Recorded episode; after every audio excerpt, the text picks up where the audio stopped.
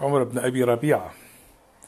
طلبه أحد الحكام أن يمدحه فأجابه إنه لا يكتب شعرا إلا في النساء.